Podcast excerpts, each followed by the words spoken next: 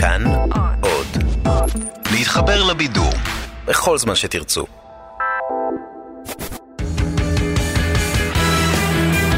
פעם בשבוע, עם תום אהרון, המונולוג המרכזי. הנושא המרכזי שלנו הערב הוא קבוצת ידיעות אחרונות, תאגיד התקשורת הענק שהביא לכם את זה.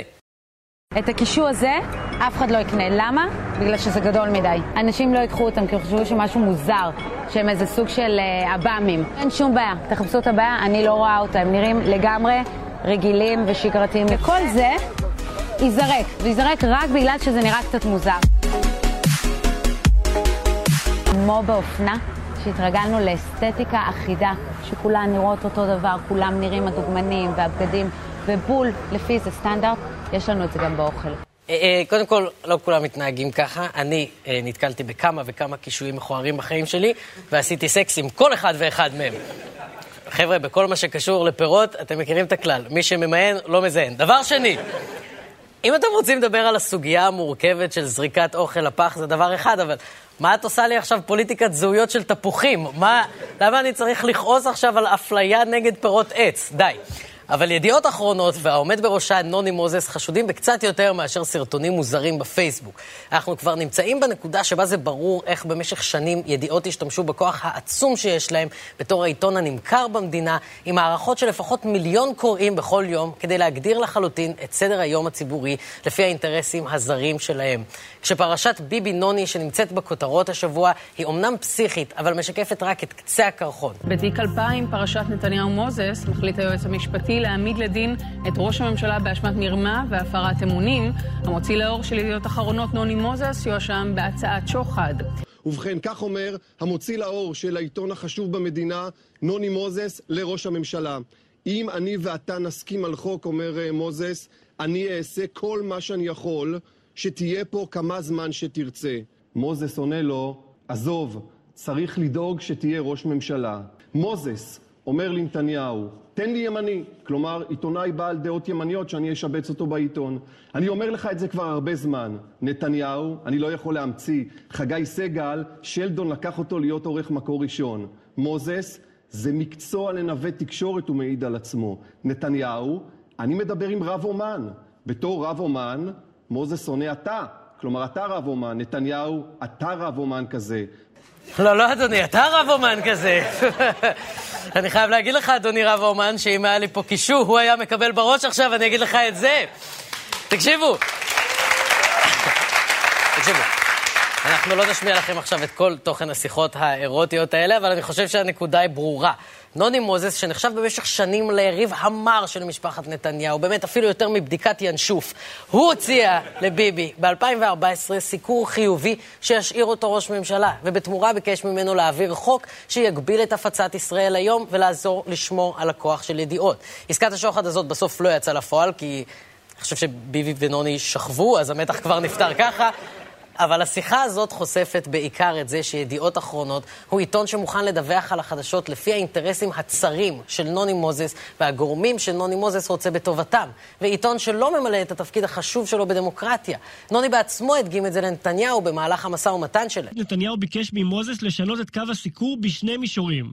בסיקור שלילי ליריביו הפוליטיים בנט וכחלון, ובסיקור חיובי לנתניהו ומשפחתו והצנעת פרסומים שליליים. שבוע אחר כך השניים נפגשו שוב, ומוזס כבר ביקש להציג לנתניהו תוצאות. היועץ מגדיר זאת, מימוש חלקי וראשוני של טובות ההנאה שהציע, הצנעת ידיעה שלילית אודות שרה נתניהו באמצעות מיקומה בעמוד אחורי, וסיקור שלילי אודות בנט. וזה עוד כלום. כמנחה, נוני הגיש לביבי גם את הראש של אלדד יניב על מגש, וביבי אמר לו, וואי, תודה, בדיוק שגב משה אמר לי שהוא רוצה להגיש מנה בכזה. עכשיו, זאת רק דוגמה אחת לקלות שבה נוני מוזס מחליט מה נחשוב וכמה זה רחוק מלשקף את המטרה העיתונאית שהוא אמור להיות אמון עליה. הקלות הזאת מגיעה אחרי שנוני מוזס משחק את המשחק הזה כבר כמה עשורים. לפי המון עדויות, יש לו פוליטיקאים שהוא מקדם ופוליטיקאים שהוא מעניש, מימין ומשמאל, מכל המפלגות וכל האידיאולוגיות. כך שכולם במערכת הפוליטית יודעים שנוני מוזס מסוגל להחליט מי קיים ומי לא. כשאני ישבתי בישיבות מערכת במסגרות שונות בשנים מסוימות, בידיעות אחרונות. אחרונות. בידיעות אחרונות, והעליתי, או העלו חבריי, שמות של אנשים שראוי לבדוק האם לעשות עליהם פרופיל או תחקיר, והתשובה הרבה פעמים שקיבלנו הייתה, לא ייתנו לנו, חבל אפילו להתחיל את המהלך. שמות, זאת אומרת, איתן. צנזורה עצמית היא כבר בפנים. יש לך את חיים רמון ויש לך את אולמרט ויש את אה, בנט ואיילת שקד קיבלה טיפול יפה. בפוסט שהעלה גיא רונן, לשעבר ראש מערכת החדשות של ynet, הוא מספר שטיפנבורן הודה באוזניו פעם שהרשימה השחורה כל כך ארוכה ומסואבת שכבר קשה אפילו לו לזכור. שלי יחימוביץ' הייתה שרופה אצלנו בוויינט, כך מספרים בכירים לשעבר באתר של ידיעות. למה? לא ברור. הם רק יודעים שאם מישהו מהם העלה בדף הבית תמונה של יחימוביץ', הוא היה מקבל מהר מאוד טלפון מהעורך הראשי דאז, ערן טיפנבורן, שהמליץ להוריד את הידיעה. בדיוק, אפשר ללמוד איזה פוליטיקאי נמצא בצד הטוב של נוני מוזס, לפי כמה חשיפה הוא נותן לו בוויינט. ואנחנו בדקנו והצלבנו את נתוני החשיפה של וויינט, ומסתבר שהפוליטיקאי האהוב על נוני מוזס הוא חבר הכנסת פרסומת לטמפונים. הוא דפוק עליו, אבל בואו נראה אותו מקים קואליציה עם החרדים. עכשיו, הרשימה הלבנה של נוני, וזה לפי כל העדויות, לא קשורה לשמאל או לימין. הוא יכול לפרגן לאיילת שקד בשער אחרי שער אחרי שער, וליאיר לפיד בשער אחרי שער אחרי שער אחרי שער, שאני אישית מאוד אוהב עם קריקטורה של יאיר לפיד מתאגרף. כי אני עד עכשיו חשבתי שיאיר לפיד מתאגרף, זאת קריקטורה של יאיר לפיד מתאגרף, אבל כל יום לומדים משהו חדש.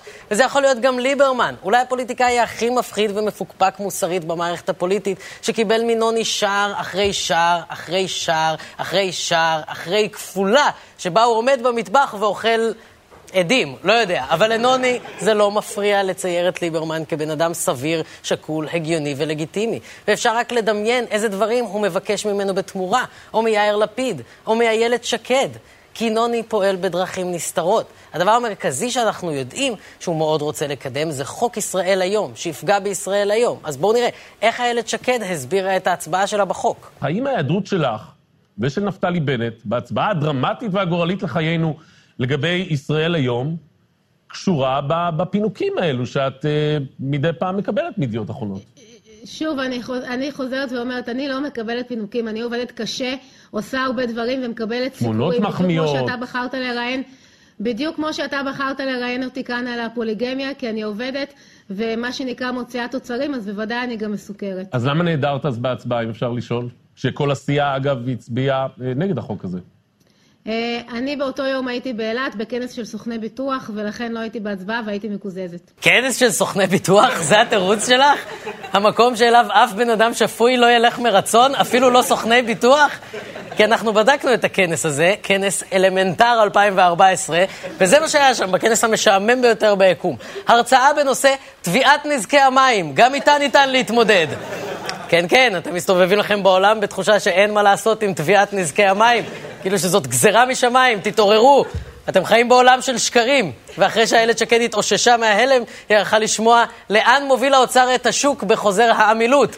אה, ספוילר, כנראה שלא לפנג'ויה. אבל הכנס הזה... הכנס המשעמם הזה אפשר לשקד להיעדר מההצבעה ולא להצביע נגד חוק ישראל היום, כמו שאר המפלגה שלה, וככה לא לשרוף את עצמה מול נוני. וזו רק עוד הדגמה לאיך הכוח של נוני מוזס על הפוליטיקאים הוא כל כך גדול. עכשיו, הייתם מצפים שברגע שהתפרסמו החשדות נגד מוזס הוא יתפטר, או שמישהו ידיח אותו כדי שהאמינות של העיתון לא תיפגע, אבל כשניסו להדיח את נוני, גורמים מאוד מאוד חזקים התערבו כדי למנוע את זה. יש בדירקטוריון ידיעות אחרונות בעלי מניות שהם היורשים של דוב יודקובסקי, העורך האגדי של העיתון, זיכרונו לברכה, ומסתבר שהם במשך כל השנה האחרונה מנסים לגרום לנוני מוזס להשעות את עצמו. הנה מכתב שהם שולחים לדירקטורים של בנק הפועלים ממש לפני שבוע, תראי את הדברים שהם כותבים פה. החלטה זו לדבריהם להשעות את נוני מוזס התקבלה לפי גישתם בישיבת הדירקטוריון של ידיעות שנערכה בפברואר השנה, אבל הבנק הוא זה שמונע את ההשעיה. בנק הפועלים מנע את ההשעיה של מוזס? וואו, זה יום המעשים הכי טובים ever, אבל מה, למה? חלק מבעלי המניות פשוט דרשו מנוני מוזס להשעות את עצמו, ואז הם שאלו גם את נציג בנק הפועלים מטעם הכונס, עורך דין פיני רוביל, וגם את נוני מוזס, המו"ל של ידיעות אחרונות, אם יש חובות פרטיים של מוזס לבנק הפועלים. כלומר, לא חובות של ידיעות, אלא חובות של האיש נוני מוזס. לנוני מוזס מסתבר יש גם חברת החזקות בשם אח קגה. עם נקודות בין האותיות, ונכון לאמצע 2013 היקף החשיפה שלה לבנק הפועלים עומד על 56.7 מיליון דולר. זאת אומרת, באזור ה-220 מיליון שקלים, שזה בחדר עסקאות של בנק הפועלים, זה היקף שנשמע די משמעותי. זה נשמע משמעותי, זה חוב לבנק? אז אני, נכון, יש את ה... נכון, יש את העט הזה עם הסליל? אז, אז גנבתי להם מחשב. גנבתי, אני חייב להם מחשב, זה לא קשור לעט, אני בצרות. אבל כמויות הכסף שנוני היה צריך לשלם לבנק הפועלים היו פסיכיות. וזה שבנק הפועלים משאיר את אימפריית העיתונות הכי גדולה במדינה, בידיים של אדם שהיועץ המשפטי לממשלה הגיש נגדו כתב אישום על שוחד. בן אדם שהשחית באופן עקבי סטנדרטים מוסריים שאמורים להיות למוציא לאור של עיתון. זה כל זה צריך לגרום לנו לשאול מה בנק הפועלים רוצה ומה ידיעות רוצים. והלוואי והיה בן אדם שיודע להסביר מה ידיעות אחרונות רוצים, ומה בנק הפועלים רוצים, ומה המשמעות של המחויבות של הפוליטיקאים לנוני מוזס. לכל אחד יש מחויבות למשהו או למישהו. המחויבות הזאת עושה אותנו למה שאנחנו.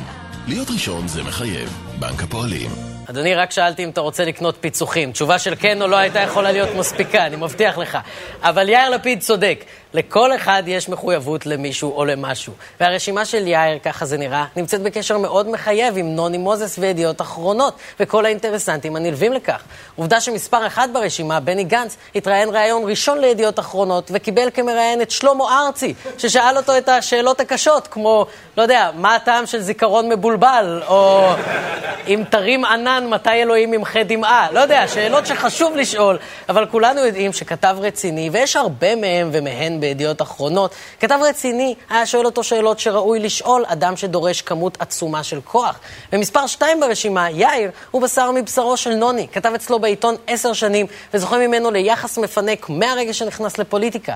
וגבי אשכנזי, מספר ארבע, והאדריכל של האיחוד בין גנץ ללפיד. רק השבוע שמענו הקלטות שלו מתרברב על היחסים הקרובים שלו עם נוני מוזס. ובואו לא נדבר על בוגי, כי הוא משעמם למות. אין לי שום עניין לדבר עליו. אני לא רוצה לישון כרגע, אני עובד, אני מגיש תוכנית.